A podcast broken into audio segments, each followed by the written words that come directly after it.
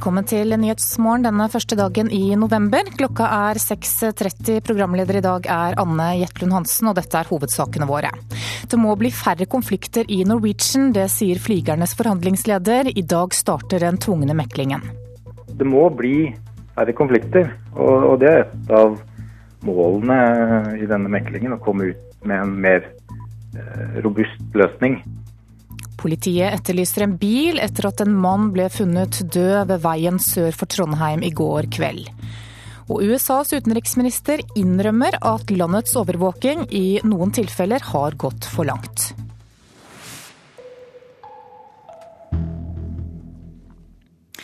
Flygerne i Norwegian møter arbeidsgiverne i tvungen mekling i dag. Dersom de ikke blir enige i helgen, så blir svært mange av flyene satt på bakken fra mandag. Og det må bli færre konflikter i selskapet, det sier flygernes forhandlingsleder Tore Halvorsen, og han håper at en ny avtale kan bidra til mer arbeidsro. Vi håper jo at det må bli færre konflikter, og det er et av målene i denne meklingen å komme ut med en mer eh, robust løsning enn det vi har hatt. Det er ingen som er tjent med, med mange konflikter. Pilotenes forhandlingsleder Tore Halvorsen mener at noen ting må på plass før pilotene og Norwegian får en ny avtale. Flyselskapet foreslår å flytte piloter over i ulike nye selskaper, noe pilotene mener gjøres for å unngå reelle forhandlinger. Det er et brudd på den tariffavtalen vi i dag har med Norwegian Air Shuttle ASA. Eh, der står det at alle piloter i det selskapet, eh, om de så er ansatt i Norge, Sverige eller Danmark, skal være ansatt i, i, i morselskapet. Og Det ønsker vi å fortsette med. Det er et viktig punkt for oss. Det spørsmålet må vi først løse, og så må vi gå i gang og se på kravene våre. Selskapet og NHO Luftfart vil ikke snakke om saken før meklingen starter i dag, men Norwegian skriver. Vi håper på løsning hos riksmekler, men vi må være ryddige og avvente meklingen, ikke kjøre forhandlingene i media, selv om det har vært mange utspill fra apparat. Det er riksmekler Nils Dahlseide som skal få ansatte og ledelse enige på bare tre dager. Det er jeg sikker på, at det blir arbeidskrevende helg. Men eh, det er jo ikke noe annet å gjøre da enn å yte ekstra mye og eh, leite grundig etter muligheter for å bli enige. Alternativet til å bli enige om en ny arbeidsavtale er dårlig både for partene og for passasjerene. Da tas 603 piloter ut i streik på mandag. Det vil si at de fleste fly vil stå på bakken. Norwegian jobber med å kartlegge hvilke flyruter som kan gå. Men riksmekleren er optimist når en eh, interessekonflikt rammer tredjepart, så tror jeg det er vanlig at alle parter, altså de som er involvert som part av interessetvisten og eh, Riksmeklingsinstitusjonen, er veldig opptatt av å gjøre alt som er mulig for å løse det. Reportere her det var Hedvig Bjørgum og David Krekling. Forsker Kristine Nergård ved Fafo, velkommen. Takk. Vi hører at Riksmekleren er optimistisk her. Aller først, hva skjer under denne meklingen i helgen? Ja, nå kommer nok da Riksmegleren til å forsøke å få partene på glid. Finne ut eh, om det er rom for kompromiss, hvor man er villig til å gi litt. Og om det da kan være overlappende interesser. Og det er klart Begge parter er jo interessert i å unngå en konflikt. Ja, hvordan vurderer du kravene fra flygerne her? Så dette her er jo kompliserte spørsmål. Det handler ikke om lønn, men det handler om prinsipper. Det handler om en del utfordringer i en internasjonal eh, bransje der man har mulighet til å bruke arbeidstakere fra utenlandske baser, som det heter her, da, som har andre lønns- og arbeidsvilkår enn det du har i Norge og i Norden, og det handler om selskapets eh, mer overordna strategi. Så det er klart det er mye komplis mer komplisert enn om dette her hadde stått om eh, en krone eller så i timen. Det har jo vært mange konflikter i dette flyselskapet, og til og med forhandlingslederen for flygerne sier nå at det må bli færre av dem. Er dette spesielt for akkurat Norwegian? Det er nok eh, spes altså spesielt for uh, luftfarten, fordi der har man hatt sterke fagforeninger. Man har hatt uh, gode vilkår, for, spesielt for pilotene. Og så ser man utfordringer ved at selskapene nå kan opprette selskaper i utlandet, man kan ha baser med personell der som flyr, flyr på utlandet. Og så blir det da vanskelig å opprettholde disse kravene om faste stillinger og lang ansiennitet, som er viktige prinsipper her. Vi hører at partene er ganske milde i tonen nå, samtidig som konflikten jo er ganske steil. Hvorfor går det ikke hardere ut nå når eh, meklingen skal starte, tror du?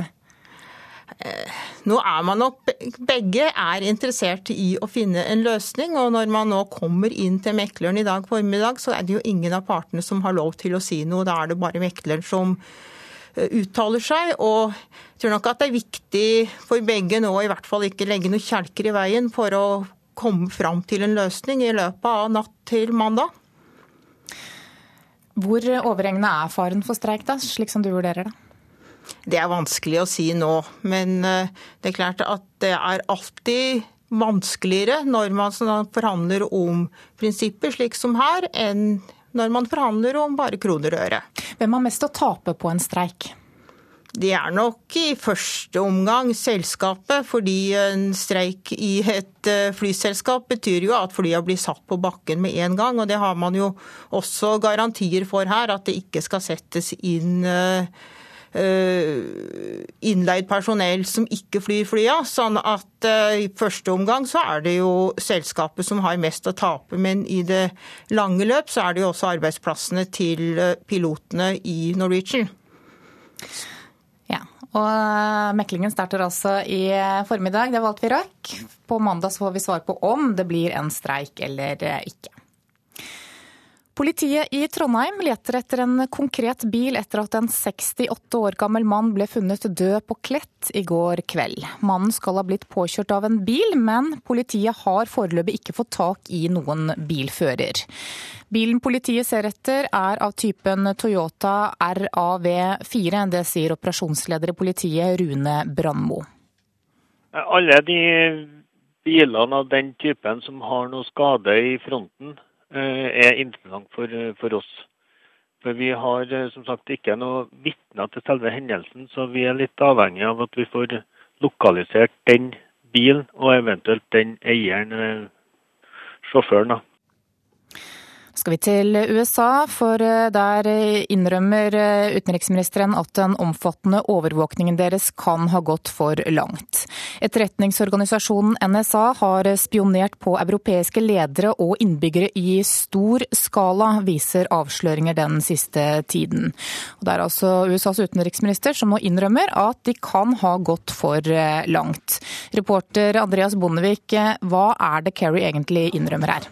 Ja, altså USA har jo tidligere tidligere bekreftet at overvåking skjer, og viser til at dette er noe alle land gjør. Men nå innrømmer altså Kerry at de har gått over streken, noe også Obama har antydet tidligere. Eh, det var under en konferanse i London der utenriksminister Kerry deltok eh, via videolink, at han forsikret at uskyldige mennesker ikke blir misbrukt under eh, innhenting av etterretningsopplysninger. Men Kerry sier altså at i enkelte tilfeller har de gått for langt, og han innrømmer at deler av overvåkingen går på autopilot fordi den nødvendige teknologien eksisterer. Eh, han hevder også at han og Obama gjennom disse medieavsløringene den siste tiden, eh, basert på dokumentene fra Snowden, er blitt oppmerksomme på ting de ikke visste om. Det har jo bl.a. vært eh, meldinger om at Angela Merkel og 34 andre statsledere er blitt avlyttet, men dette har ikke USA kommentert direkte. Samtidig i dag så sier anonyme kilder at Obama har bedt NSA stanse overvåkningen av Det internasjonale pengefondet og Verdensbanken og at de har blitt overvåket, det har ikke vært kjent tidligere. Men samtidig så forsvarer vel Kerry at de driver med overvåkning?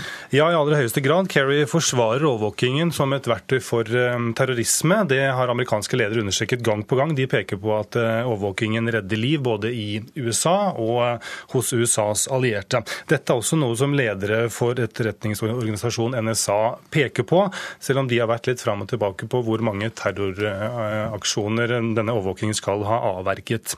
Men det kan se ut til at nå blir det endringer i NSA, hvordan NSA opererer, i hvert fall enkelte endringer. Obama har eh, beordret en gjennomgang av eh, hvordan disse tjenestene opererer, og den skal være ferdig innen årsskiftet. Takk skal du ha, reporter Andreas eh, Bondevik. I dag starter Palestina-konferansen i Oslo, som har fått tittelen The Missing Peace, den manglende freden. Peder Martin Lysestøl, velkommen. Tusen takk. Du leder komiteen som arrangerer konferansen The Missing Peace 20 år etter Oslo-avtalen. Aller først, hva ønsker dere å oppnå med denne konferansen?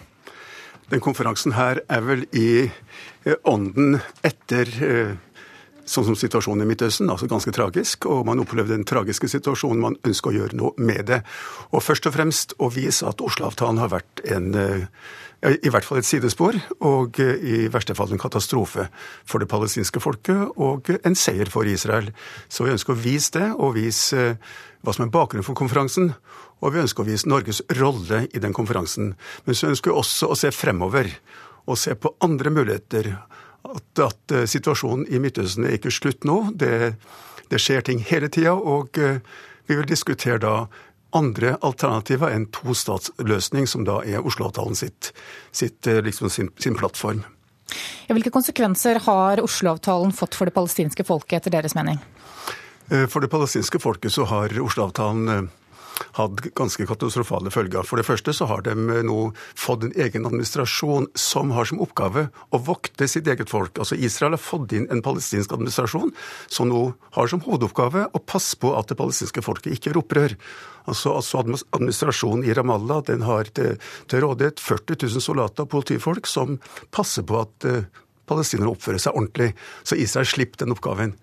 Så har det splitta det palestinske folket, og så har det ført til at eh, Israel har bygd ut 670 000 bosettinger på palestinsk område, slik at muligheten for å lage en palestinsk stat nå er så å si ingen. Det finnes nesten ingen ledige områder igjen, og alle strategiske geografiske områder på Vestbredden og Gaza er da eh, kontrollert av Israel. Og Israel har muligheten til å gripe inn hvor som helst i Palestina. Hvilke konsekvenser har fått for, altså avtalen fått for israelerne, da? For Israel så har eh, avtalen vært eh, en seier, faktisk. Eh, de siste 20 årene har vært en, en glansperiode for israelsk økonomi. Den har ført til at Israel har kunnet ekspandere videre, som har vært Israels plan alltid, nemlig å ta større og større områder av Palestina. Og nå har de nesten hele Palestina. Og Det har vært et gammelt mål, og Israel er i ferd med å oppfylle det målet, kan man si. Så israelske politikere er veldig fornøyd, og faktisk ønsker den israelske regjeringen å gå fortsatt videre og ta større deler av Palestina. Altså hvis man ser på hva, hva Israels regjering nå sier. I dag så starter altså denne Palestina-konferansen. Hvem av deltakerne på konferansen representerer den israelske siden? Det er en konferanse som først og fremst vil belyse hva konferansen har betydd for det palestinske folk. Og det, det okkuperte palestinske folkets situasjon som er senter for konferansen. Det er israelske politikere som deltar, men som støtter det palestinske folket. Eh, hovedtaler er bl.a. Ilan Papé, som er israelsk historiker. Og som, som, bidrar til å belyse hvordan Palestina har blitt fordrevet. Altså Selve metoden i fordrivelsen og omfanget av fordrivelsen belyser Ilan Papé. Så vi har representert mange sider, men målet med konferansen er å ta standpunkt for det undertrykte folket som er palestinerne her, ikke Israel. Men selvsagt, løsningen ønsker vi å være til beste for alle som bor i Palestina-Israel-området. Det er ikke snakk om å hive ut den ene parten og komme inn med en ny part. Målet nå er å få begge parter, altså de som bor i Israel og det palestinske folket, til å kunne leve sammen på vanlig demokratisk vis, uten apartheid og uten at den ene parten undertrykkes av den andre. Takk for at du kom til Nyhetsmorgen, Peder Martin Lysestøl. Nå skal vi ta en kikk på dagens aviser og se hva de har på forsidene sine i dag. Aftenposten skriver at sykepleierne er bekymret over tilstanden ved nyfødtintensiven på Rikshospitalet. Babyene blir ikke vasket og får medisiner for sent, og nå vil sykepleierne møte fylkeslegen. Vårt Land forteller at kampen for å få tak over hodet i landet rundt Syria nå er beinhard. Desperate flyktninger tyr derfor til prostitusjon for å skaffe seg husly. Forbrukerrådet vil at kundene skal kunne se alderen på frossent kjøtt i butikkene. Det skriver Nasjonen i dag. I dag finnes det ingen grense for hvor gammelt frossenkjøtt kan være når det selges. Stadig flere menn er i krise, er overskriften i Klassekampen i dag. Tallet på menn som bodde på krisesenteret er tredoblet på tre år. Fedrelandsvennen har snakket med en av Norges fremste eksperter på kreftsykdom. og Han tror at nordmenn snart må betale rådyr kreftbehandling av egen lomme. Årsaken er at legemiddelindustrien ifølge ham presser prisene oppover. Dagens Næringsliv forteller at nå blir prisene på arkitektperler dumpet. Flere eiendommer er satt ned med flere titalls millioner kroner. Staten betaler Kjell Inge Røkkes oljejakt. Det skriver Finansavisen i dag. Det norske oljeselskap går med underskudd, og det gjør at Røkke så langt har fått fem milliarder kroner av letekostnadene dekket av den norske staten. Kvinner er flinkere gründere enn menn, det skriver Bergensavisen.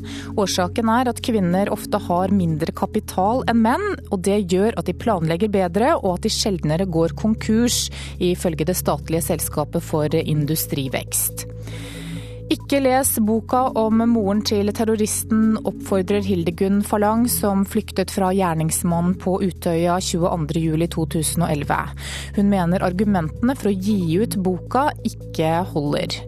Mens morens advokat sier til VG i dag at hun ble grundig lurt da hun skrev under bokavtalen med Marit Christensen.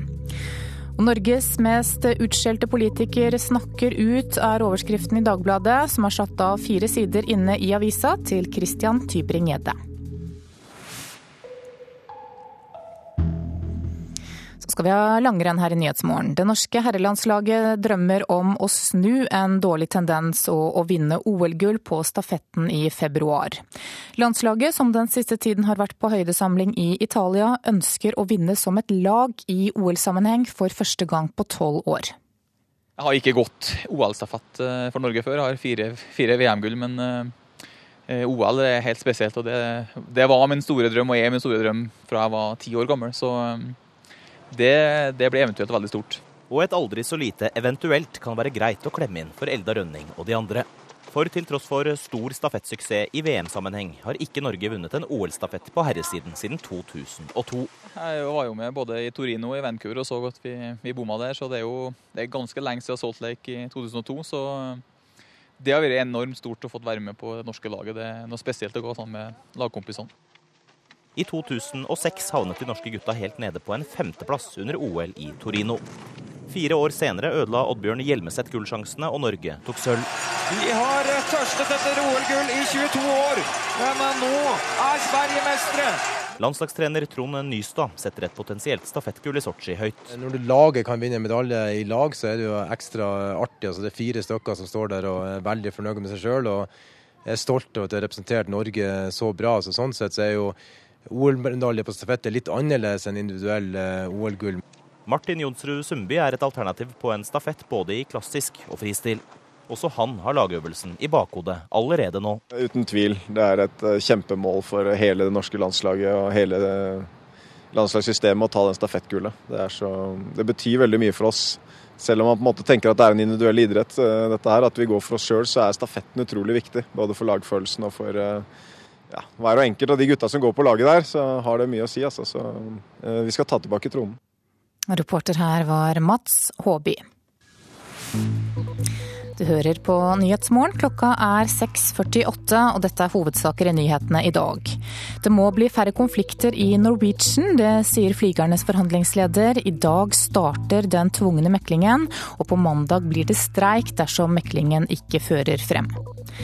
Politiet etterlyser en bil etter at en mann ble funnet død ved veien sør for Trondheim i går kveld. Følg oss videre, så skal du få høre at boka til Marit Christensen kan bli den første som behandles av pressens faglige utvalg.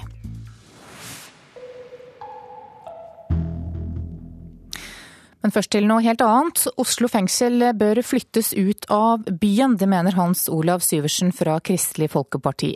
Fengselet ligger tett på publikum og sliter med at folk kaster narkotika over murene. Dette er jo et fengsel eh, som er bygd eh, i en helt annen tid og med helt andre funksjoner. Så jeg syns også det er god grunn til på litt sikt å se om vi kan, eh, kan eh, endre akkurat plasseringen også. Olsenbanen har nærmest gitt det gamle botsfengselet kultstatus, men innenfor murene minner lite om den tiden Egon gikk inn og ut av porten. Svært mange av de nesten 400 innsatte i fengselet er rusmisbrukere, og stadig mer dop kastes over murene. I løpet av fire sommermåneder i år beslagla fengselet 27 pakker med narkotika, og ifølge fengselsleder Kim Ekhaugen har problemet aldri vært så stort som nå. De siste to årene så har det vært økende, og det er eh, i hvert fall ukentlig innkast i luftegårdene. Vi har fire luftegårder, og det er innkast eh, stort sett i alle fire luftegårdene ukentlig. Det dreier seg ofte om hasj og marihuana pakket inn i tennisballer eller eh, Kinderegg eller snusbokser, og kaster da inn på avtalt tid. I 2009 gikk et flertall i bystyret i Oslo inn for å flytte fengselet. På tross av dette ga Stortinget året etter penger til utbygging, og mye er nå gjennomført. Men narkotikaproblemene er de ikke kvitt. For Oslo fengsel på Grønland ligger lett tilgjengelig for folk, omgitt av veier og parker på alle kanter. Likevel sier statssekretær Vidar Brein-Karlsen fra Frp at det er uaktuelt å flytte fengselet. Vi kommer ikke til å legge ned noen fengselsplasser mens vi har eh, de kapasitetsutfordringene vi har nå. Eh, da får vi heller se på eh, tiltak i Oslo fengsel for å hindre at narkotika kommer inn der. Oslo fengsel ønsker bl.a. å sette opp et nett rundt murene som kan fange opp narkotikaen. Er det noe Justisdepartementet kan bevilge penger til? Nå er vi midt i en budsjettprosess, og våre innspill til det budsjettet har ligger til behandling i regjeringa nå, så jeg vil ikke forskuttere noe her. Men, men eh, vi vil absolutt se på løsninger for å hindre at narkotika finner veien inn i fengsel. Det er helt klart. Reporter her, det var Maria Nakken. Marit Christensens eh, bok 'Moren' kan bli behandlet i pressens faglige utvalg. Utvalget har aldri behandlet en bok tidligere, men nå åpner Presseforbundet for at boken kan havne der dersom den blir klaget inn. Flere eksperter på etikk mener boka er problematisk, men forfatter Marit Christensen selv mener at hun har fulgt pressens etiske retningslinjer. Jeg kan ikke se at det skal være noe å skamme seg over for noen i det jeg har fremstilt i dette. Christensen mener sjøl hun har fulgt de etiske retningslinjene i pressa sin Vær varsom-plakat. Ja, stort sett så har jeg det, fordi at jeg har den alltid present i mitt bakhode etter 40 år som journalist og, og redaktør. Uh, og jeg mener at jeg har uh, behandlet stoffet jeg har hatt, på en etisk og moralsk måte. Og Wenche Behring Breivik sin advokat Hans Marius Gråsvold er interessert i å høre hva klageorganet for presseetiske spørsmål, Pressens faglige utvalg, ville sagt om boka ble klaga inn til deg. Eh, Mari Christensen selv brakte Vær varsom-plakaten på banen. Eh, og da var for så vidt min oppfølging av det at Eh, da ville det være interessant å høre hva Presseforbundet og PFU mente om det, når noen som i utgangspunktet ikke er bundet formelt av Vær varsom-plakaten, eh, selv ser seg bundet av den. Dette er en bok. Og Pressens faglige utvalg behandler ikke litteratur. I alle fall ikke til nå. Når forfatteren her så tydelig påberoper seg Vær varsom-plakaten, så, så, så oppsto det kanskje et grenseland der, og, og, hva vet jeg, kanskje kunne hun tenke seg at den ble vurdert av prestens faglige utvalg? Sier generalsekretær i Norsk Presseforbund Kjersti Løken Stavrum.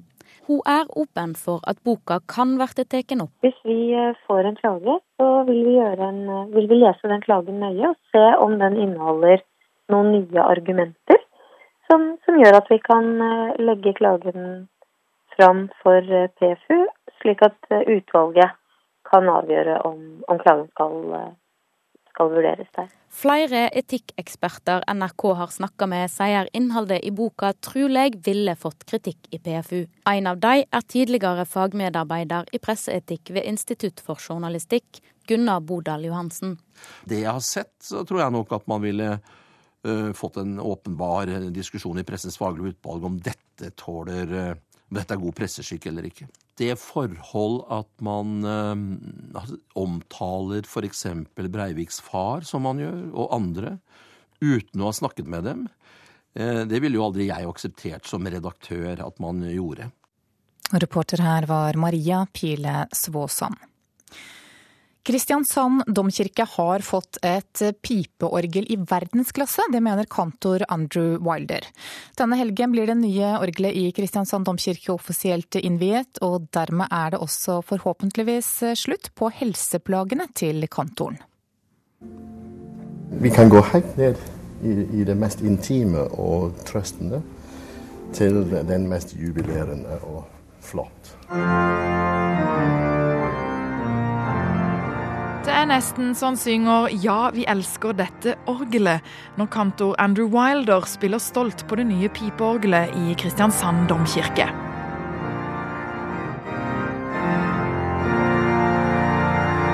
Yes, jeg elsker det. Og med god grunn, kanskje. For sist vi møtte kantoren, fortalte både han og andre organister om yrkesskadene som mange har fått ved å spille tungspilte orgel. Ja, du kan si for fire-fem år siden så var det det at um, vi måtte stenge det gamle orgelet av uh, nesten medisinske eller helsemessige årsaker. Dette pga. flere operasjoner i håndleddene og to nye skiver i nakken til Wilder. Og så har vi klart oss med lite elektronisk orgel i mellomtida. Ja, det har holdt hjulene i gang, men det har ikke vært noe særlig glede. Det er som å spille på et stereoanlegg, men nå har vi det stikk motsatt. Nå har vi et orgel som er så omfangsrik at det skal ta noen måneder å bli skikkelig kjent med det. Det nye pipeorgelet til 12 millioner kroner, som Wilder liker å kalle Norges første HMS-orgel, er bygget av Kleis i Tyskland, som også har levert orgler til bl.a. domkirka i Köln og Nasjonalt senter for scenekunst i Beijing. Og ikke nok med det, så er det en enda litt ekstra når vi trekker den. Og Wilder mener nå at domkirkas nye orgel er ett i verdensklasse. Det setter Kristiansand egentlig på det europeiske kirkemusikalske kart. For her har vi det samme utstyr som du vil finne i uh, mange tyske katedraler, franske katedraler. Her er det muligheter til å gi kristiansandere og folk som reiser i det området her, det samme opplevelse som om de hadde stukket innom Stefansdomen i Wien eller noe sånt. Så vi, vi er på verdenskartet nå. Til helga åpner den store orgelfesten, og mens Wilder øver iherdig innimellom tyske orgelbyggere, kan han konstatere at arbeidsredskapet hans ikke lenger gir ham helseplager. Du kan si jeg spilte nå på fullt verk, og det ga ingen verk, for å si det sånn, i, i hendene mine. Fordi uh, du skal ikke måtte bruke åtte kilo for å få ned tangentene. Her, her går det fint. Det er, det er lettspilt, og du får den kraft du trenger, pluss at du har elektrisk assistanse. Reporter her var Mari McDonald. Nå skal vi se på et værvarsel som gjelder til midnatt. Fjellet i Sør-Norge kan vente seg sørvestlig liten til stiv kuling i høyfjellet i dag. Først på dagen regnbyger, snøbyger i høyden. Fra i formiddag stort sett opphold og gløtt av sol i nordlige og østlige deler. Østafjells sørvestlig bris, opp i liten kuling på kysten. Først på dagen enkelte regnbyger nord på Østlandet, til dels snøbyger. Utrygt for torden nær kysten, og fra i formiddag opphold og perioder med sol, men utrygt for regnbyger med torden vest for Kristiansand. Det er også ventet lokal morgentåke. Vestlandet sør for Stad. Sørvestlig stiv til sterk kuling på kysten og i fjellet. Ved Stad liten storm. Sør for Obrestad frisk bris. Regn og haglbyger. Utrygt for torden og snø over 600 meter. Møre og Romsdal og Trøndelag må belage seg på sørøstlig frisk bris i dag. På kysten av Sunnmøre periodevis sørvestlig sterk kuling. Fra i ettermiddag sørvestlig opp i sterk kuling langs hele kysten, først i sør.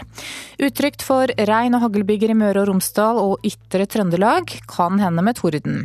Snøbyger over 600 meter. Fra i ettermiddag utrygt for byger også i indre Trøndelag.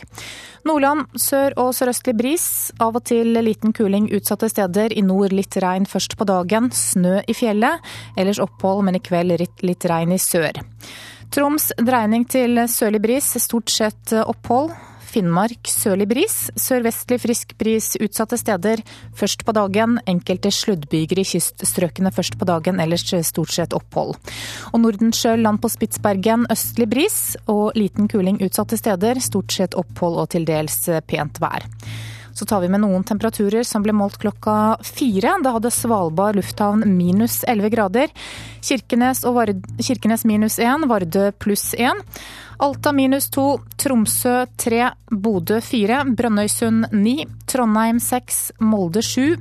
Bergen minus 9, Stavanger pluss 9, Kristiansand 10, Gardermoen 3, Lillehammer 2, Røros minus 7, og på Oslo-Blindern var det fire grader da klokka var fire.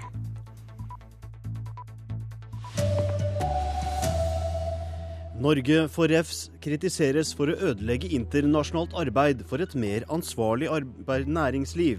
Og det må bli færre konflikter i Norwegian. Det sier pilotene før helgens mekling i flyselskapet. Her er NRK Dagsnytt, klokken er sju. Ja, Norge ødelegger for det internasjonale arbeidet for et mer ansvarlig næringsliv. Det mener mannen som skal passe på at etikkreglene følges, jusprofessor Hans Petter Graver. Han leder OECDs nasjonale vaktbikkjefunksjon, og nå refser han både Utenriksdepartementet og Finansdepartementet. Norges oppførsel kan sette det internasjonale arbeidet med ansvarlig næringsliv flere tiår tilbake, ifølge Graver.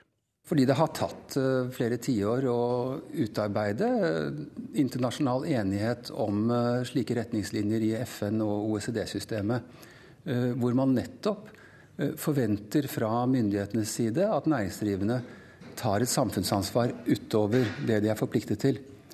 Og hvis man nå åpne for eh, diskusjoner om hvor langt disse retningslinjene går, og hva man er forpliktet til, så er man tilbake der hvor man startet, egentlig. At det er det juridiske som er grunnlaget, og ikke det moralske og etiske. Og det er Norges forvaltning av oljefondet som er bakgrunnen for kritikken. Utenriksdepartementet avviser den, og hevder Norge er en forkjemper for OECDs retningslinjer for ansvarlig næringsliv. Pilotene i Norwegian møter arbeidsgiverne i tvungen mekling i dag. Blir de ikke enige i helgen, blir store deler av flyflåten parkert på mandag. Det må bli færre konflikter i Norwegian, det sier pilotenes forhandlingsleder Tore Halvorsen. Han håper en ny avtale kan bidra til mer arbeidsro.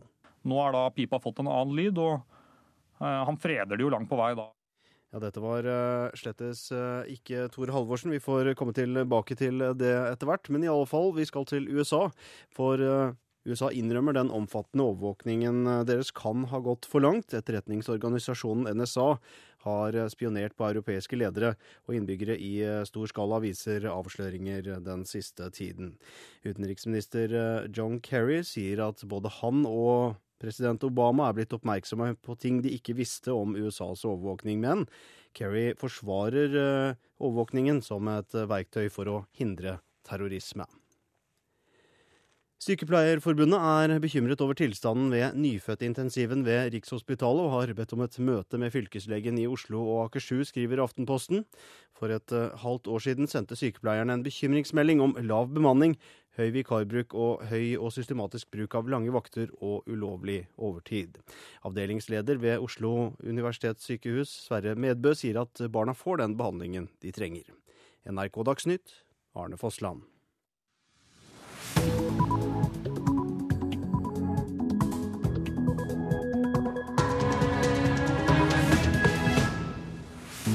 Nå er klokka tre minutter over sju, og du lytter til Nyhetsmorgen. Vi skal straks få siste nytt om de to søstrene fra Norge som nå skal være i Syria. Vi skal snakke med vår reporter som er i Tyrkia nå, og som har nær kontakt med faren til de to jentene.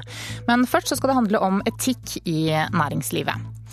Norske myndigheter undergraver etikkarbeidet for næringslivet som FN og Organisasjonen for økonomisk samarbeid og utvikling, OECD, driver med. Det sier mannen som er satt til å passe på at etikkreglene følges, nemlig jusprofessor Hans Petter Graver. Bakgrunnen for denne kritikken er en investering som oljefondet har gjort. The majority of the employees of the company will. I en skrytevideo forteller selskapet Posco om hvor bra alt kommer til å bli når den likere stålfabrikken øst i India står ferdig. Men realiteten på bakken er ikke like skjønn. I årevis har lokalbefolkningen demonstrert, og FN frykter at det skjer alvorlige menneskerettsbrudd her, hvor Statens pensjonsfond utland, oljefondet, eier 1 både OECD og FN har kritisert investeringen. Fondet bryter retningslinjer for ansvarlig næringsliv, het det i en OECD-konklusjon i mai. Norges Bank og UD reagerte med å sende brev til OECD, hvor de spurte om retningslinjene faktisk skal gjelde verdens største investeringsfond, oljefondet, siden det kun er minoritetseier. Så gir de et signal om at man ikke skal gjøre mer enn det man er absolutt forpliktet til. Og det undergraver hele ideen bak slike retningslinjer om samfunnsansvar sier Hans Petter Graver. Som leder for OECDs kontaktpunkt er det hans jobb å passe på at både private og offentlige aktører opptrer ansvarlig. Det gjør ikke Finans- og utenriksdepartementet, ifølge Graver. De er med på å så tvil om eh, anvendelsen av retningslinjene i alle sektorer i eh, samfunnet. Det er overhodet ikke noe ønske fra vår side om å undergrave disse retningslinjene. Bård Glad Pedersen er statssekretær i UD. I motsetning til Graver hevder han at Norge er en pådriver for retningslinjene for ansvarlig næringsliv. Skal Norge følge disse retningslinjene? Selvsagt. Skal oljefondet følge disse retningslinjene? Det har vært en uklarhet i retningslinjene om hvordan de skal uh, tolkes for uh, selskaper som eier en liten andel i andre uh, selskaper. Så Der har man bedt om en avklaring på det. det tror jeg er positivt at vi får, sånn at vi kan sikre en lik praktisering i alle OECD-land. Hans Petter Graver mener at det er Finansdepartementet og Utenriksdepartementet som har vært med på å skape denne uklarheten. Hva sier du til det? Dette er jo en sak som har pågått over lang tid. Eh, jeg tror det er viktig at vi nå får avklart eh, hvordan disse retningslinjene er å forstå. Dette er viktige retningslinjer som kan bidra til at bedrifter kan ta samfunnsansvar. Nå må vi sikre at det er klare retningslinjer, og at de kan praktiseres likt i alle land. Men Graver står fast ved sin kritikk. Slik du ser det, så følger ikke Norge de reglene som Norge mener at andre land skal følge, er det riktig? Ja, I denne saken så mener jeg det er riktig, ja. Og reporter i dette innslaget var Fredrik Lauritzen. Forsker ved BI Karoline Ditlev Simonsen, velkommen. Tusen takk. Du er jo ekspert på ansvarlighet i næringslivet. og Hvordan vurderer du det som Graver sier her om at Norge ikke følger de reglene som de mener at andre land skal følge? Jeg syns det er veldig eh, viktig og bra at slike konflikter kommer frem. Og når det er snakk om etikk og samfunnsansvar, så er det jo ikke alltid noe som er absolutt rett eller absolutt galt. Det hele er en prosess hvor syn, normer, holdninger endrer seg underveis. Å få slike sånne konflikter i denne omgang, så var påsko, opp på bordet, skapes en debatt, og vi kommer oss videre. Ja, og Det er jo et, eh, et lite paradoks at uh, når det kommer frem sånne konflikter og skandaler rundt bedrifter som oppfører seg uansvarlig, så får dette faktisk andre bedrifter til å oppføre seg mer samfunnsansvarlige. Så frykten for kritikk og konflikter gjør at andre bedrifter skjerper seg nettopp sånne, i forbindelse med sånne saker som dette her. Men Har Graver rett i at Norge ikke følger disse reglene som de mener at andre land skal følge? Eh, Eh, Norge har gjort en kjempeinnsats ved å få eh, etiske investeringskriterier på oppå bordet. Dette er, som, eh, som man også sa, en lang prosess. Denne, denne Posko-saken har pågått i fem år. Det er, mye, det er ikke noe absolutt rett eller galt her. sånn. Og, og oljefondet er jo 8000 eller aksjer, har aksjer i 8000 selskaper. Og man kan ikke bare hoppe inn og ut av det. Dette, være, dette er en prosess. Ja. Men Hva syns du da om at Norges Bank og Utenriksdepartementet altså spør om retningslinjer om samfunnsansvar skal gjelde oljefondet i denne saken fordi de er minoritetseiere? Eh, for at oljefondets investeringskriterier skal ha noen som helst signaleffekt, må det gjelde alle investeringene, helt uavhengig av størrelse på aksjeposten. Og siden oljefondet også har jo en grense på hvor stor eierpost eh, fondet kan ha i enkeltselskaper, så er jo fondet i de fleste tilfeller en minoritetseier. Og da er det spesielt viktig at disse retningslinjene også gjelder disse små investeringene, som jo er hoveddelen. Men Hvorfor prøver både da Norges Bank og Utenriksdepartementet å unngå at disse reglene skal gjelde for oljefondet? De vil jo ikke eh, unngå det, men de sier at de gjør det ikke sånn plutselig her og nå. Det er en prosess, og, og, siden det er såpass mye forskjellige meninger her, så må man eh, Ja, kan man ikke bare hoppe inn og ut på eh, umiddelbart. Er forventningene til etisk atferd for høy og kravene for urealistiske, syns du?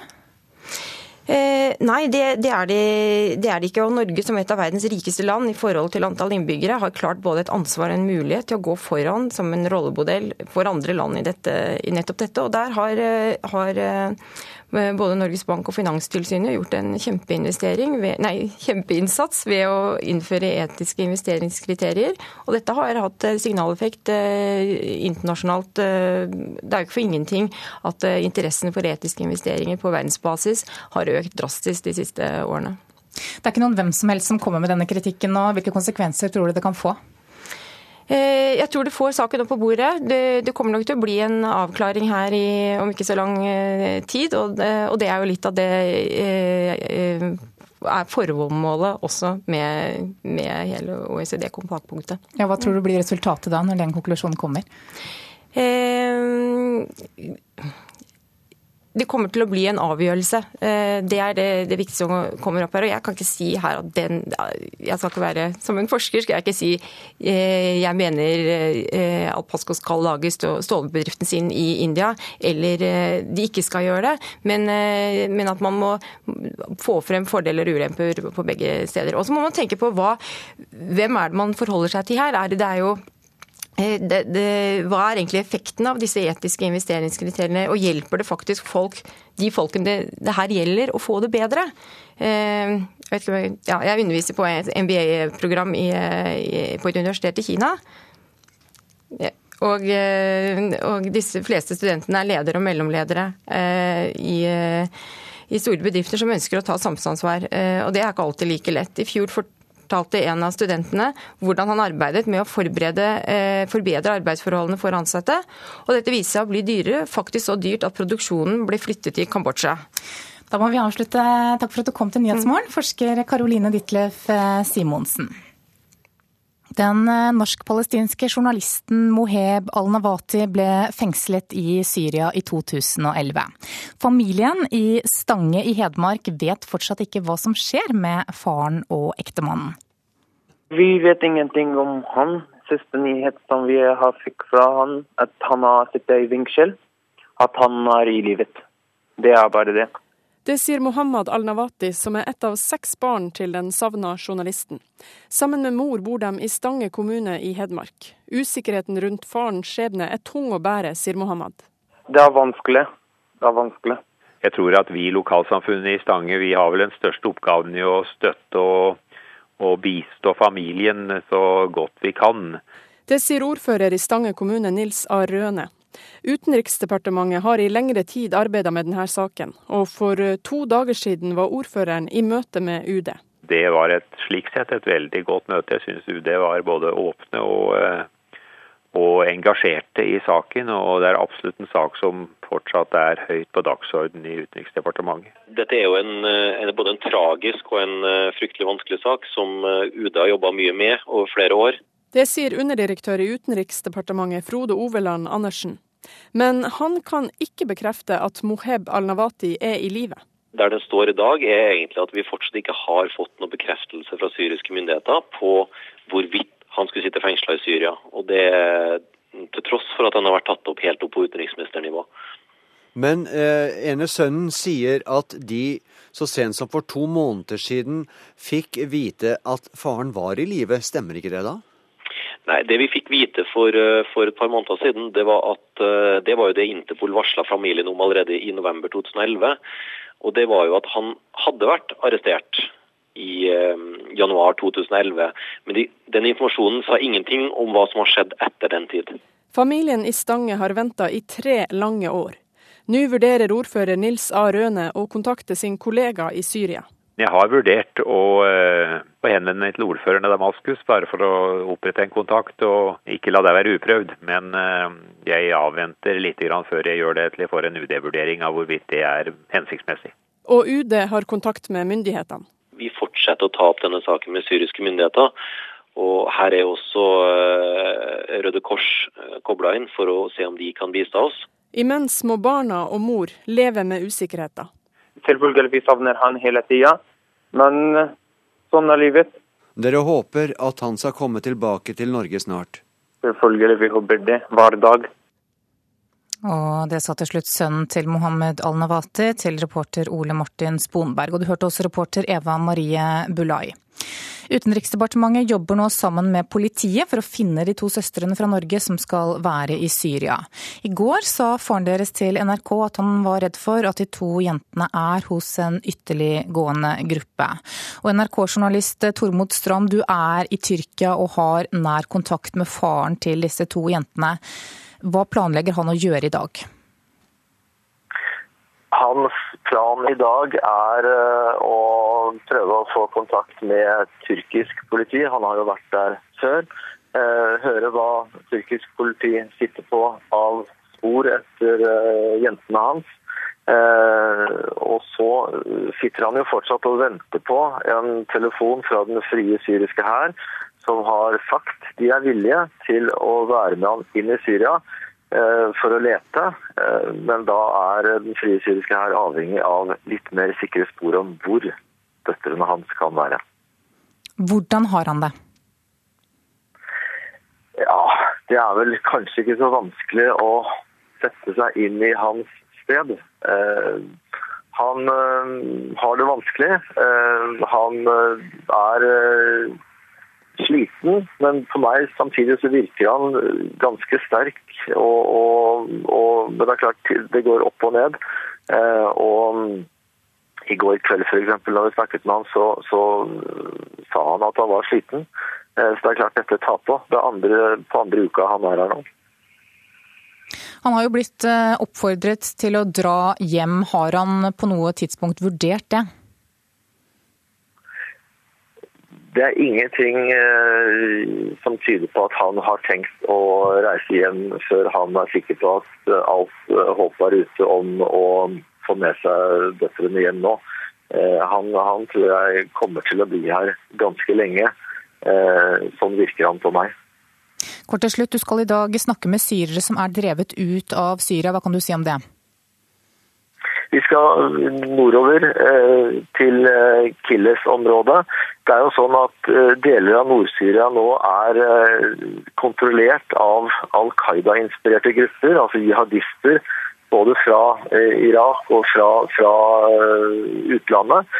Som, som, prøver å innføre strenge sharia-regler og et strengt konservativt regime. Åpne henrettelser på, på, på gaten. Eh, og det er klart syrere, eh, Moderate syrere som har kjempet for sin revolusjon, de, de, føler seg nå drevet ut av sitt land. Eh, så vi skal snakke med noen som rett og slett er i dekning her i Tyrkia, fordi de er drevet ut av, av Syria. Takk skal du ha, Tormod Strand. Du hører på Nyhetsmorgen, og dette er hovedsakene våre klokka 7.16. Norge får refs, kritiseres for å ødelegge internasjonalt arbeid for et mer ansvarlig næringsliv. Det må bli færre konflikter i Norwegian, det sier pilotenes forhandlingsleder før meklingen starter i dag. Og politiet etterlyser en bil etter at en mann ble funnet død ved veien sør for Trondheim i går kveld. Nå skal det handle om helsepolitikk. Høyre lovte å legge ned helseforetakene under valgkampen, men nå har vår nye helseminister fredet foretakene som styrer Helse-Norge i flere år fremover.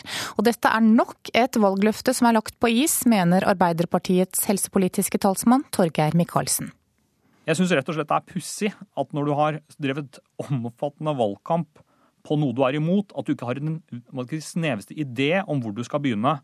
Eh, når du nå skal styre landet, som Bent Høie sier han skal gjøre, og Helse-Norge, at det skal ta fire år før eh, vi kanskje får noe annet enn det vi har i dag. Arbeiderpartiet ønsker å bevare helseforetakene. De ble stifta i 2002, da staten overtok ansvaret for spesialisthelsetjenesten og sykehusene fra fylkeskommunene. Høyre mener våre fire helseregioner er overadministrert, og lover mindre byråkrati og mer makt til sykehusene lokalt når foretakene blir lagt ned. Men noe av det første Bent Høie gjorde som helseminister, var å midlertidig frede foretakene. De har regjeringens fulle tillit og oppbacking i den jobben som de nå skal gjøre i flere år framover med å styre eh, okay. norske sykehus. Så inntil videre er de bra nok? Og, og det opplevde de som et veldig bra signal. Inntil videre er de bra nok? Ja, altså det er sånn at Du har et styringssystem som må fungere fram til du har etablert okay. et nytt. Det sa Høie i NRK-programmet Aktuelt i forrige uke til programleder Ole Torp. At Høyre nå ikke har en mer konkret helseplan enn at de skal bruke flere år på å utrede, syns altså Torgeir Micaelsen er useriøst. Jeg hadde forventa at dette eh, skulle skje raskere. Da vil det oppstå et styringstomrom. Og Da tror jeg det blir vanskeligere å få til f.eks. at vi skal utvide åpningstidene for å behandle flere folk. At vi skal skaffe flere folk eh, med fagkompetanse inn i sykehusene. Og ikke minst at vi skal få enda bedre ledelse av de ulike avdelingene og sykehusene og helsevesenet totalt sett. Vi vet akkurat hva vi skal gjøre, og det er det samme som vi sa i valgkampen, svarer Høyres helseminister Høie. Vi skal etablere en nasjonal eh, helse- og sykehusplan, og det er det vi òg eh, sa før valget. At eh, etter at vi har fått på plass en nasjonal helse- og sykehusplan, så kan vi legge ned helseregionene. Men hvorfor skal det ta så lang tid? Det vil ta tid å lage en ny nasjonal helse- og sykehusplan som er mye mer operativ og som forankres i Stortinget. Det er et viktig arbeid som ikke skal rushes igjennom, nettopp fordi det skal både få en god lokal og faglig forankring. Det viktigste er jo at det gjøres på en god måte, sånn at det blir god kvalitet på det arbeidet. De to møtes til debatt i Politisk kvarter klokka 7.45. Reporter her var Linda Reinholdsen. Mediene i Storbritannia opplever turbulente dager. Samtidig som rettssaken mot medarbeiderne i den nedlagte avisen News of the World er i gang, så varsler britiske myndigheter nå strengere regulering av pressen. Også allmennkringkasteren BBC er i hardt vær. Det er langt fra bare godt nytt britiske medier har å melde for tiden. I alle fall ikke om seg selv. Denne uken startet rettssaken mot en rekke medarbeidere i den nå nedlagte tabloidavisen News of the World i London. De åtte tiltalte anklages for omfattende avlytting av kongelige og andre. På tiltalebenken sitter også Andy Colson, som etter en karriere i tabloidpressen ble pressesjef for statsminister David Cameron. Bare i løpet av de første dagene har det kommet fram en lang rekke detaljer, enkelte av dem mer pikante enn andre. Som f.eks. at Colston hadde et intimt forhold til den tidligere redaktøren Rebecca Brooks. Um,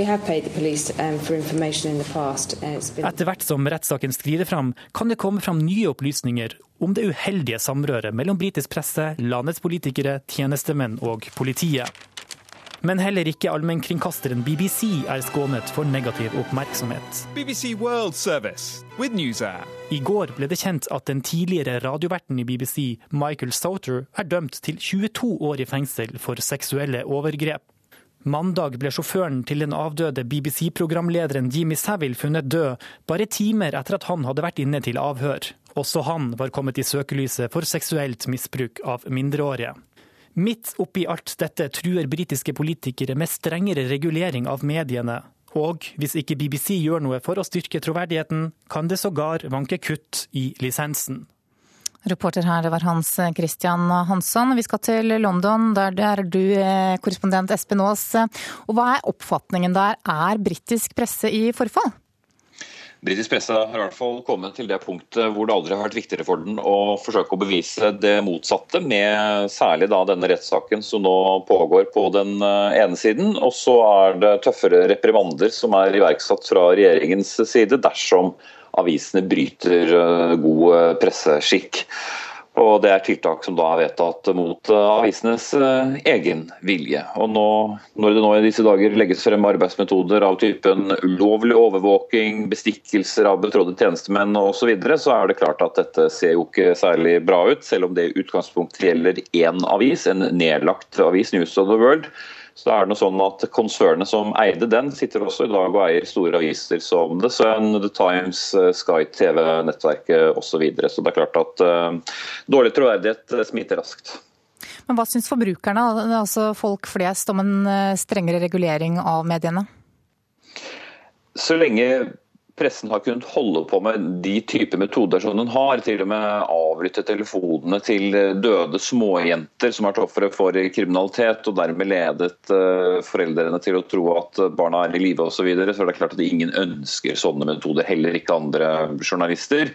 Um, jeg det er en sak som folk flest snakker mye om. Dette er jo en sak som først og fremst opptar journalistene selv, eh, om dette bryter mot god pressefrihet eh, osv. Men det er klart at mange hever jo øyenbryn når disse skjelettene ramler ut av skapet én etter én i rettssalen, og man får høre hvordan journalister har brukt hundretusener, hvordan avisen har brukt kanskje en million kroner til å betale private etterforskere til å hjelpe journalister med å hacke andre menneskers telefoner.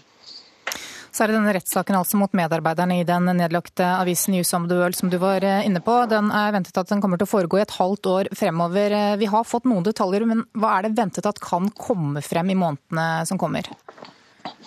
Det de jo er tiltalt for, er jo at dette skal være satt i system. altså at Man har visst om disse metodene helt til toppen. Det avviser jo alle de åtte tiltalte her. Sju tidligere ansatte og, mannen til en av de tiltalte. Uh, mens det sier jo aktoratet at det må de ha visst om. og Hvis det kommer frem at dette har vært i, satt i system, så ser det jo ikke bra ut. Heller ikke bra ut fordi de to hovedtiltalte har bånd til statsministeren. Den ene gikk over fra å lede denne skandaleomsuste avisen til å bli hans nærmeste rådgiver og være det inn i hans karriere som statsminister, og den andre har vært omgangsvenn med han i mange år. Så selv om statsministeren selv selvsagt ikke har drevet med disse metodene, så har han hatt folk nært opptil seg som har drevet med mildt sagt lyssky metoder dersom aktoratet får rett uh, i sine påstander.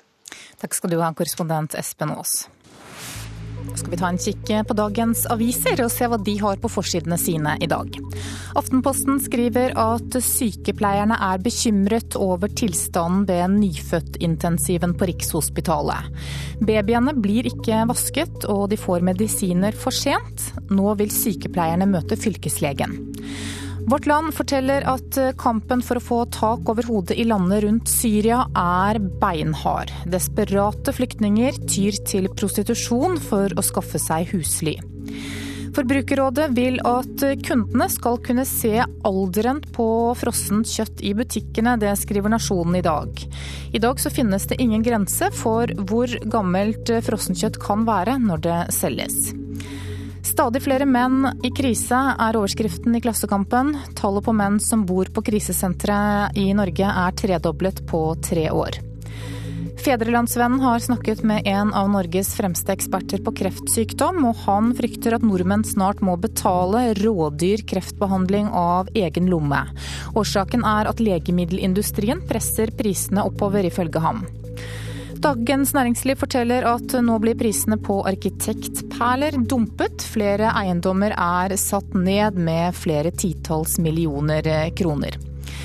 Kvinner er flinkere gründere enn menn, det skriver Bergensavisen i dag. Og årsaken er at kvinner ofte har mindre kapital enn menn. Det gjør at de planlegger bedre, og at de sjeldnere går konkurs, ifølge det statlige selskapet for industrivekst.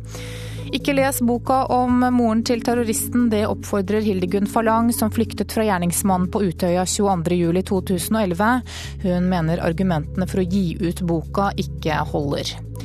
Og Norges mest utskjelte politiker snakker ut, er overskriften i Dagbladet i dag. Som har satt av fire sider inne i avisa til Christian Tybring-Gjedde fra Fremskrittspartiet.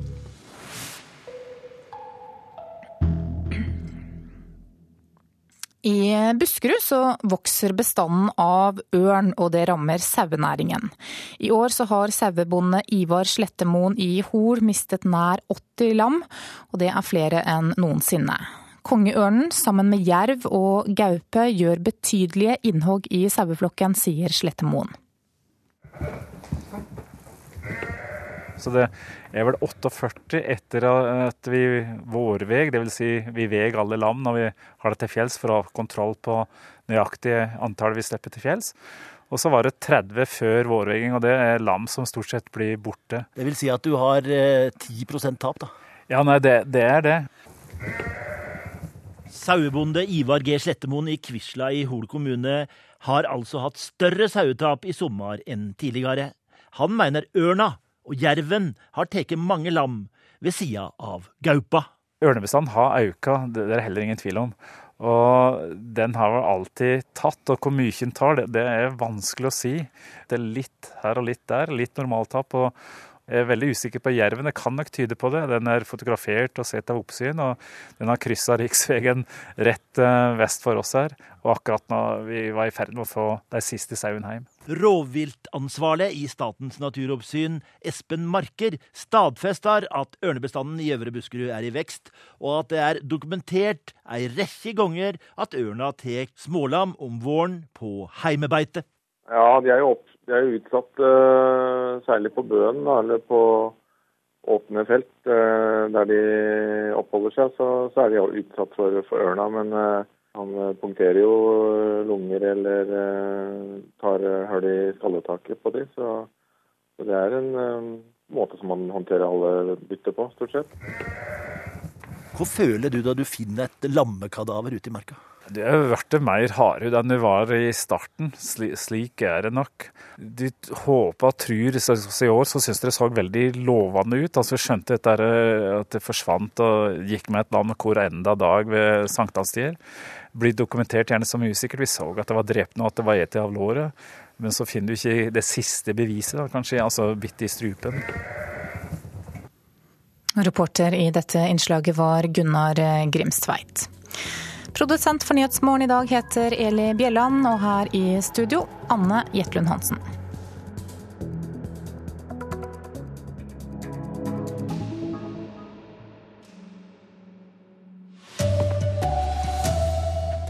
Norge for refs kritiseres for å ødelegge internasjonalt arbeid for et mer ansvarlig næringsliv. Mann kjørt ned og drept i Trondheim. Nå etterlyser politiet bilen de tror traff 68-åringen.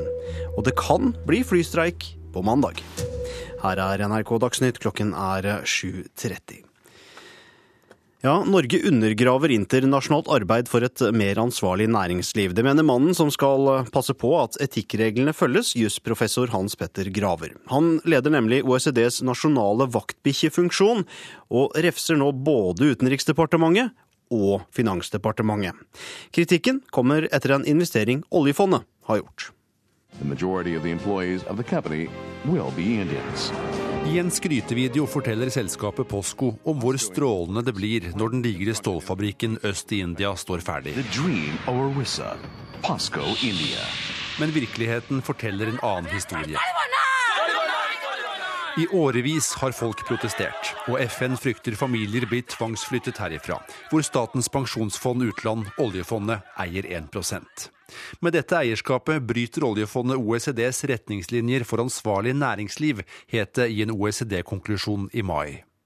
Norges Bank og UD reagerte med å sende brev til OECD, hvor de spurte om retningslinjene faktisk skal gjelde verdens største pensjonsfond, oljefondet. Og Det undergraver hele ideen bak slike retningslinjer om samfunnsansvar. Sier Hans Petter Graver. Han er vaktbikkje i OECD-regi, og skal passe på at selskaper følger retningslinjene. Altså et regelsett som skal ivareta miljø- og menneskerettshensyn. Det gjør verken Finans- eller Utenriksdepartementet, ifølge Graver. De er med på å så tvil om eh, anvendelsen av retningslinjene i alle sektorer i eh, samfunnet. Det er overhodet ikke noe ønske fra vår side om å undergrave disse retningslinjene. Bård Glad Pedersen er statssekretær i UD. I motsetning til Graver hevder han at Norge er en pådriver for retningslinjene for ansvarlig næringsliv. Skal Norge følge disse retningslinjene? Selvsagt. Skal oljefondet følge disse retningslinjene? Det har vært en uklarhet i retningslinjene om hvordan de skal eh, tolkes for eh, selskaper som eier en liten andel i andre eh, selskaper. Så Der har man bedt om en avklaring på det. Det tror jeg er positivt at vi får, sånn at vi kan sikre en lik praktisering i alle OECD-land. Reporter her var Fredrik Lauritzen. Politiet leter etter en bil med ødelagt front etter at en fotgjenger ble funnet påkjørt og drept i Trondheim i går kveld. 68-åringen lå på et eh, jorde ved en vei, og i natt har politiet bedt om overvåkningsbilder fra en bensinstasjon i området. De ba meg spare på videoklipp som vi har tatt opp. Politiet håper at bilen de leter etter er på opptakene som Statoil-medarbeider Martin Asp har gjort klar. Bilen politiet har etterlyst, er en Toyota Rav 4. Det er iallfall knust noe frontlykte eller noe glass, eh, og noe lakk lakkrester som henger igjen, så det skal være godt synlige skader på den bilen. Sier operasjonsleder i Sør-Trøndelag politidistrikt, Rune Brandmo, som har jobba med saken i hele natt. Politiet fikk melding om at en død mann var funnet like før klokka 22 i går kveld.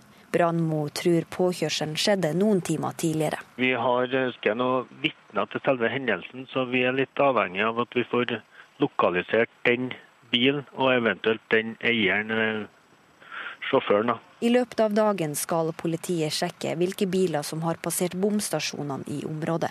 Samtidig ber de folk melde fra hvis de ser en bil med skader eller sjåfører som oppfører seg unormalt. På Statoil-stasjonen på Klett venter store mengder opptak. Asp har allerede sett gjennom deler av det. Jeg syns jo det er ekkelt, da. Jeg vet jo ikke hvem som er involvert. Og reporter her var Kristine Svendsen.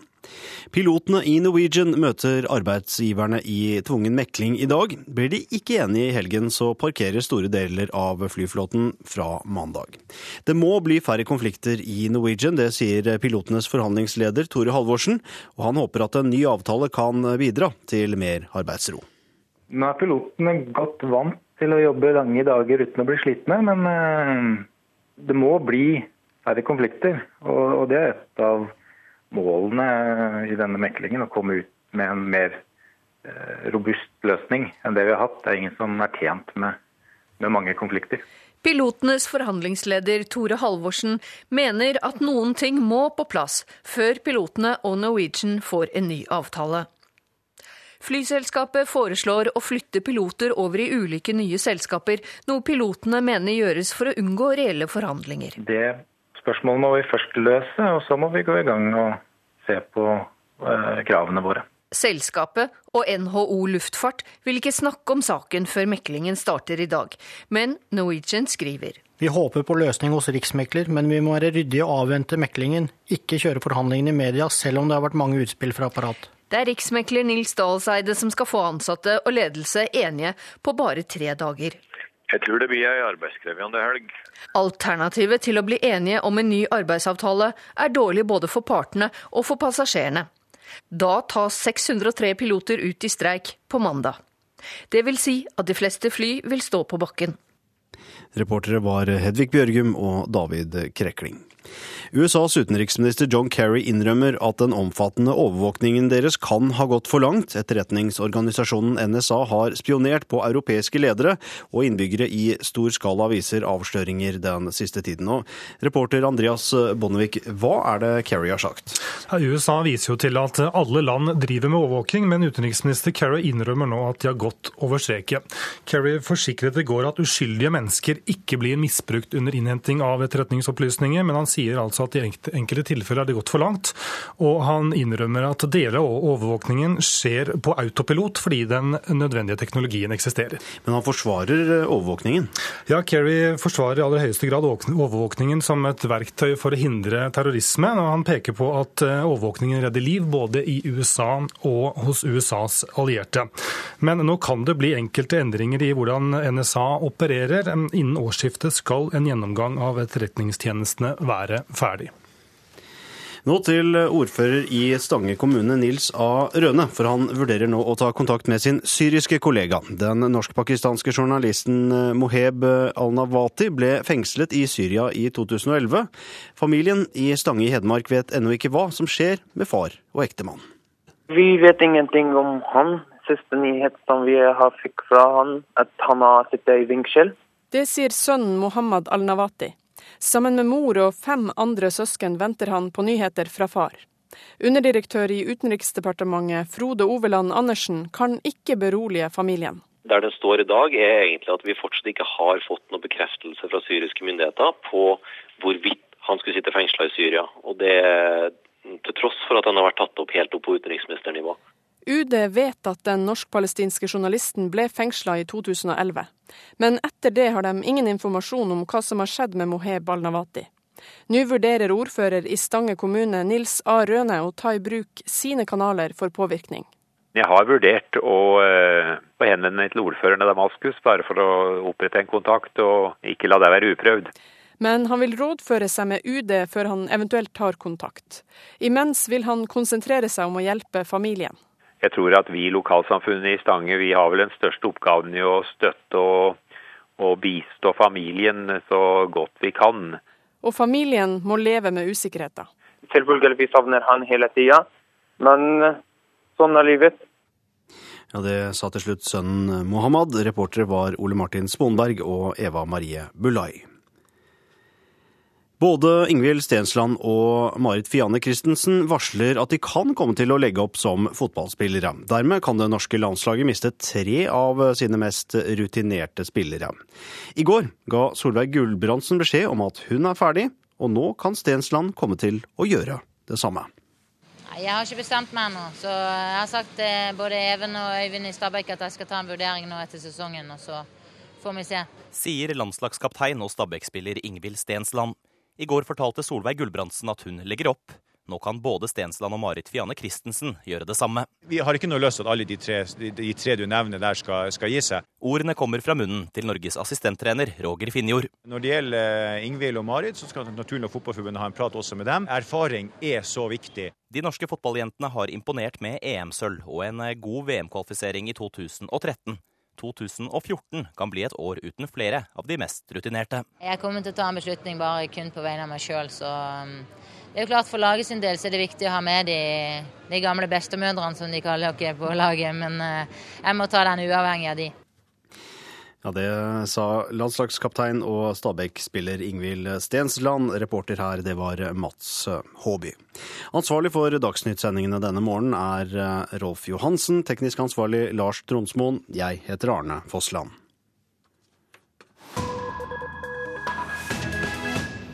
Klokka er 7.40 og Nyhetsmorgen fortsetter.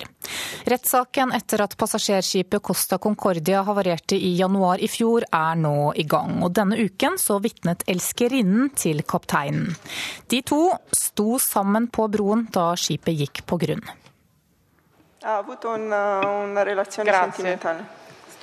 Ja, jeg hadde et forhold til ham. Stopp. Kan vi snart bevege oss over på et viktigere tema? Den moldaviske danseren Dominika Sermotan vil ikke snakke om privatlivet sitt. Men det må hun, for dommeren i rettsoppgjøret etter at Costa Concordia gikk på grunn med 4200 mennesker om bord, vil vite alt. Costa Concordias kaptein Francesco Cettino er tiltalt for uaktsomt drap på 32 mennesker, for å ha forårsaket et skipshavari og for å ha forlatt et synkende skip med hundrevis av passasjerer og mannskap som kjempet for å overleve. Han risikerer 20 år bak murene. Scenen for rettssaken er et teater i Toskana, og det er et dystert drama som skal gjennomleves på nytt. Hele 1000 vitner er innkalt. Jeg kom hit for å hjelpe dommeren og alle de berørte, sier den unge kvinnen som må rippe opp i marerittet hun er blitt blandet inn i. At hun var elskerinnen til Italias mest skandaliserte skipper og mest upopulære mann, er ikke noe hun gjerne vil dele med en hel verden. Bare timer før grunnstøtingen kom danseren fra Moldova om bord uten å kjøpe billett, for som hun sa, når du er noens elsker, spør ingen deg om billetten. Den skjebnesvangre kvelden, som var en fredag den 13., spiste Dominica middag med kapteinen, og etter måltidet inviterte han elskerinnen sin opp på broen. Sammen skulle de oppleve Costa Concordias stolte ferd forbi øya Giglio. På broen sto de da skipet gikk på grunn med et brak. Redd deg selv, var kapteinens råd til henne. Det var som om jeg døde for første gang den kvelden. Jeg fikk en psykisk knekk, sa den unge kvinnen til de mange pressefolkene utenfor rettssalen i byen Grosseto i Toskana denne uken.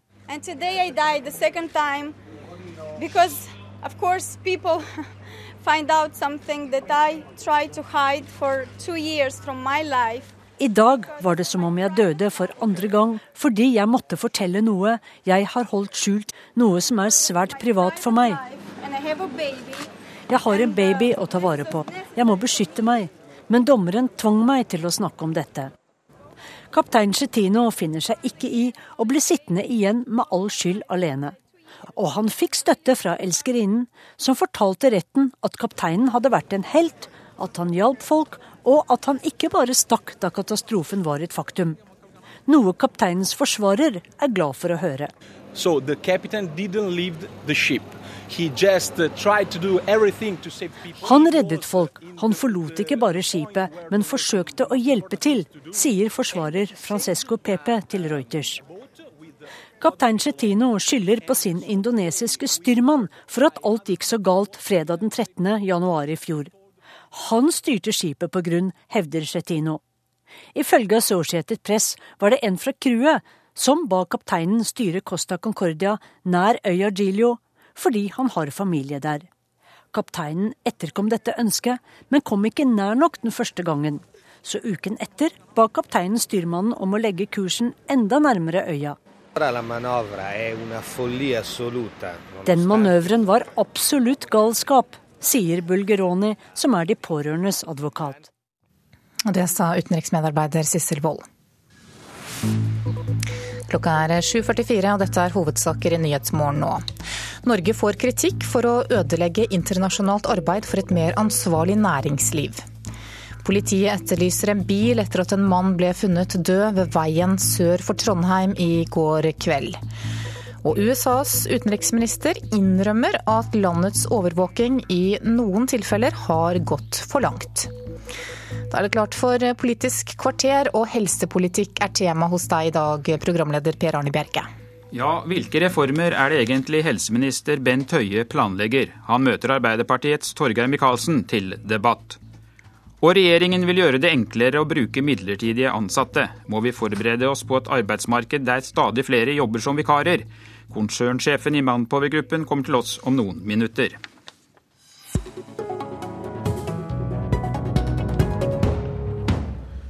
God morgen og velkommen, helseminister Bent Høie. I Sundvolden-plattformen står det at regjeringen vil øke bruken av private helsetjenester.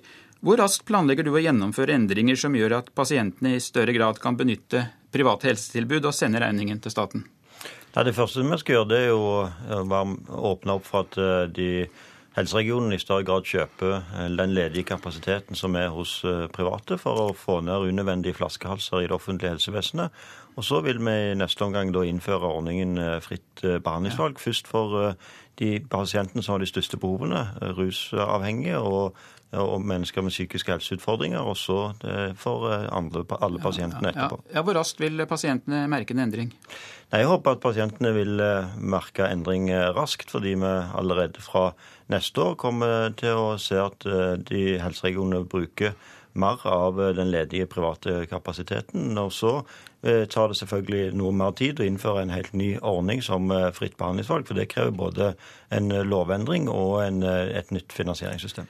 Helsepolitisk eh, talsmann i Arbeiderpartiet, Torgeir Micaelsen, med meg fra studio Drammen. Bør vi ikke ta i bruk den kapasiteten som finnes for å gi folk et best mulig behandlingstilbud? Eh, svaret på det er både ja og nei, og Høie har helt rett at eh, vi skal ta i bruk mer kapasitet også i det private. og Det har jo vært gjort i stor stil i løpet av de siste åtte årene. og Det ligger forslag til økt bruk av private krefter også neste år. Men så er også svaret nei, fordi vi er nødt til å satse på det jeg kaller de offentlige felles sykehusene. Det er der de aller, aller fleste folkene behandles. Og det er tross alt sånn i Norge at vi er et lite land med begrensede ressurser på høyspesialiserte eh, områder. Og Da er jeg redd for at den modellen som Høie har skissert i valgkampen, lett vil føre til at vi får Eh, et, et oppspinn av forskjellige private, kommersielle aktører, som jeg ikke tror eh, vil ta de mest spesialiserte oppgavene, men vil gjøre de enkleste oppgavene på bekostning av de offentlige sykehusene. Jo, men Michaelsen, la oss nå prøve å være litt konkrete. Hvis du har en vond skulder, og fastlegen din sier at du skal få MR-undersøkelse, så må du i dag stå i kø i fire-fem måneder før du får behandling som det offentlige betaler. Men hvis du betaler selv, kan du få undersøkelsen i morgen. Hvorfor kan vi ikke bruke den ledige kapasiteten når fastlegen har sagt at du likevel trenger en slik undersøkelse? Men det er jo bl.a. det vi nettopp har foreslått. F.eks. For på MR så har kapasiteten økt. Eh, og jeg mener at vi i Arbeiderpartiet har ikke noe vi har et pragmatisk forhold til uh, i hvor stor innslag av private vi skal ha, men vi må ha en viss form for Selv i verdens rikeste land, pleier jeg å si, så må det være slik at du har en viss form for prioritering. Helsevesenet er noe annet enn et supermarked, og noen uh, kan vente litt lenger for at andre med mer alvorlige lidelser skal gå uh, foran. Men vi er åpne for å øke behandlingskapasiteten. Til dels kraftig har lansert mange forslag til hvordan det kan gjøres de neste årene.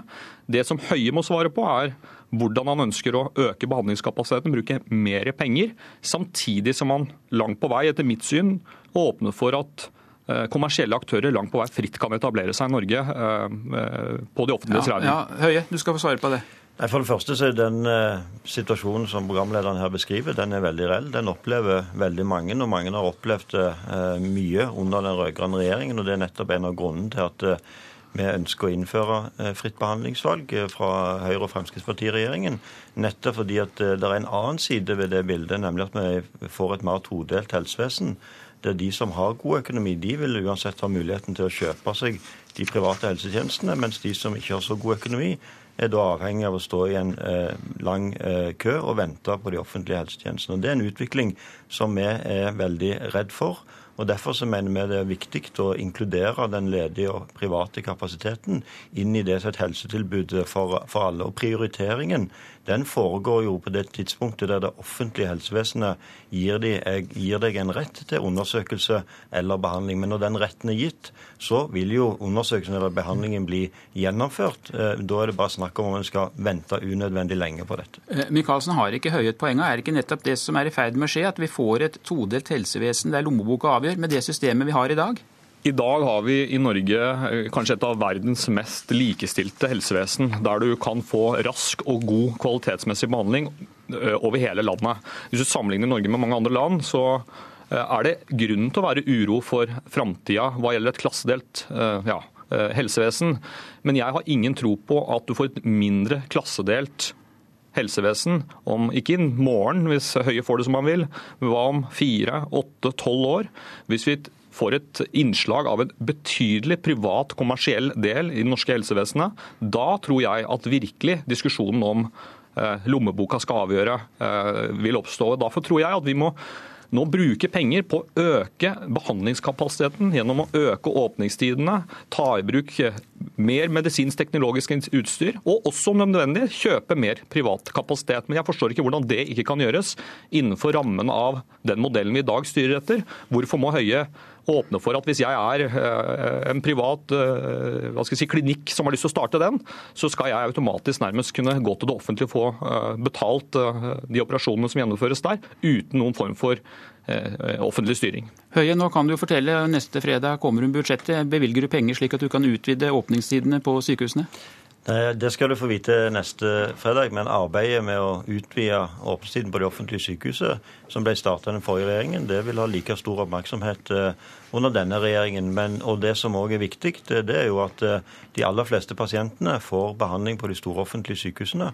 Vi skal derfor òg bedre eh, finansieringsordningene for de offentlige sykehusene. Det er der 70-80 eh, av pasientene blir behandla som er akutte uten noen ventetid. Og de aller fleste av de som òg venter på behandling, venter kort og er fornøyd med den ventetiden. Men så er det noen som møter helt unødvendige flaskehalser. Enten det er en rusavhengig som er motivert for å bli rusfri, men som må vente i måneder for å få behandling, selv om det er ledig kapasitet. Eller programlederens eksempel eh, om et eh, enkelt MR-bilde som kanskje må til for å avklare en situasjon for å unngå en sykemelding. Ja. Skal vi se på et litt annet tema, Høie. For gjennom fire år som opposisjonspolitiker så kritiserte du organiseringen av Helse-Norge. Men i forrige uke så da hadde du full tillit til helseforetakene og sa at sykehusene kan komme til å bli styrt på samme måte i flere år fremover. Hvor mange år vil det ta før det skjer den endringen som du var så opptatt av i valgkampen? Jeg har også vært opptatt av i valgkampen hele veien at det første vi må gjøre, det er å etablere en ny, mer operativ nasjonal helse- og sykehusplan. Det er noe som et eh, bredt flertall i Stortinget har ønska, men som Arbeiderpartiet har hindra i veldig mange år. Eh, nå skal vi starte det arbeidet. Det arbeidet skal gjøres på en god måte. Vi skal sikre faglig forankring, lokal forankring, og ikke minst skal vi sikre en god forankring i, i Stortinget, sånn at Stortinget i større grad blir involvert i planleggingen av hvordan eh, Sykehus-Norge skal se ut for, eh, for, for framtiden. Det er fremdriften med det arbeidet som vil være avgjørende for når eh, vi kan legge ned det regionale nivået som et beslutningsnivå i, i, i sykehusene. Det har jeg sagt hele veien. Jeg er litt overraska over at Arbeiderpartiet da beskylder meg for løfteforbrudd. For når ble det løftebrudd for Arbeiderpartiet å gjøre en jobb grundig og skikkelig, og ikke haste fram og, og miste styringsevnen? For det var det som var viktig for meg når vi overtok, og gi beskjed om at eh, regionale helseregioner de skal eh, fungere, har, ha regjeringens fulle tillit i det arbeidet som nå skal gjøres med å lage en ny nasjonal helse- og sykehusplan. Torgeir Micaelsen, i nyhetene i morges var det jo voldsomt kritisk til at Høie ikke gjennomførte denne endringen, som du jo egentlig er imot med en gang. Ble du litt beroliget når du hørte ham nå? Nei, og Han har ingen grunn til å bli overrasket over at han nå får kritikk for nettopp dette. For det første har han brukt hele valgkampen på å Eh, hamre løs på den måten vi i dag styrer sykehusene etter. Den har etter mitt syn mistet mye autoritet nettopp pga. Høies opptreden. Eh, og Senest våren 2011 foreslo Høie og Høyre i Stortinget at regjeringen da skulle pålegges å legge fram en sånn type plan. og Han mente da at det kunne gjøres på halvannet år, altså at det skulle legges fram i 2013. Nå har han vunnet eh, regjeringsmakten og sier nå at det kan ta opp mot fire år. Han, altså han nærmest freder helseforetakene, som han er sterkt imot i hele den stortingsperioden vi nå har framfor oss. og Det mener jeg dessverre vitner om at uh, Høie er blitt realitetsorientert, og det er for så vidt bra. Men det var ikke dette han lovte velgerne, og det må han tåle uh, at blir påpekt at uh, Høyre nå mangler gjennomføringsevne. Du sitter her og rister på hodet, Bent Høie. Ja, for jeg har ikke sagt at dette kommer til å ta fire år. Men det som jeg har sagt, er at etter 14 dager i regjering, så kan ikke vi nå komme med et tidspunkt der denne planen blir fremmet for Stortinget. Det ville vært useriøst. Det viktigste er at denne jobben gjøres på en grundig måte. Men vi kommer selvfølgelig til å legge fram en ny nasjonal helse- og sykehusplan for Stortinget før fireårsperioden er gått ut. Men det å komme ut med en dato etter 14 dager, det tror jeg òg Torgeir Micaelsen foreslår. Men Bent Høie, hvorfor foreslo du da i Stortinget for, altså for senest våren 2011 at det kunne gjøres på halvannet år? Er det ikke det litt rart at eh, det nå har gått opp for deg at det her vil være mer komplisert? Og gjennom valgkampen har du også brukt forenkla og til dels ramsall kritikk av den måten sykehusene organiseres på. Og så har pipa nå fått en helt annen lyd. Syns du ikke det er litt rart at mange reagerer på? Nei, jeg, jeg syns at halvannet år ikke var en urimelig tid, men det å komme med en dato nå, når vi har vært i regjering i 14 dager, det er helt uh, useriøst. Men nå, skal vi snart, uh, nå er vi i gang med å jobbe med hvordan denne prosessen skal foregå. og da, Når vi er ferdig med det, så skal Torgeir Micaelsen få vite tidsplanen òg. Og Der fikk du siste ordet, helseminister. Takk skal du ha. Og takk også til deg, Torgeir Micaelsen, med meg fra studio i Drammen.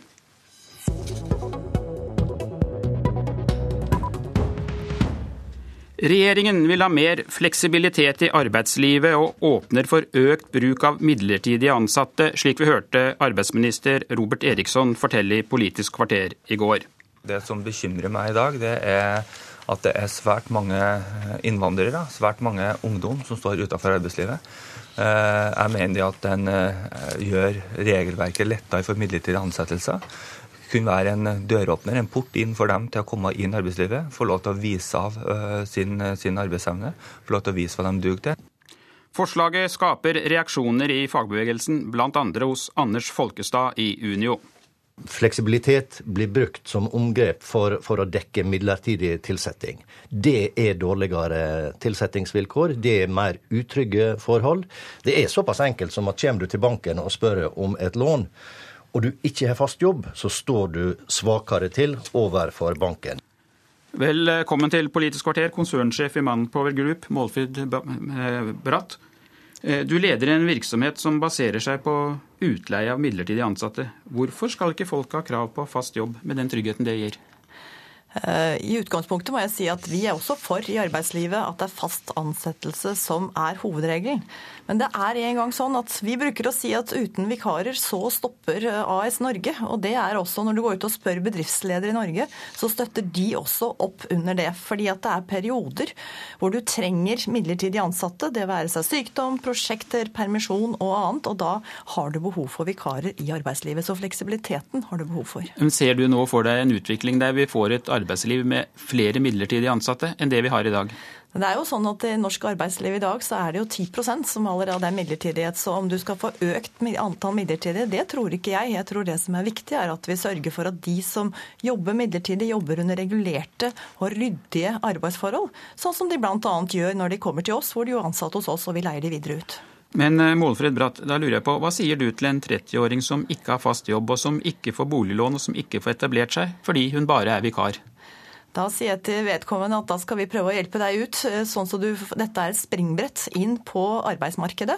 Eh, og det er en gang sånn at det er bedre å ha en midlertidig jobb enn å ikke ha jobb. Men også når du ser på undersøkelser som vår bransje viser, så viser det at fire av ti de går ut i fast stilling når de har vært ute som vikarer. Og det beviser jo nettopp at dette er et viktig springbrett inn til arbeidsmarkedet.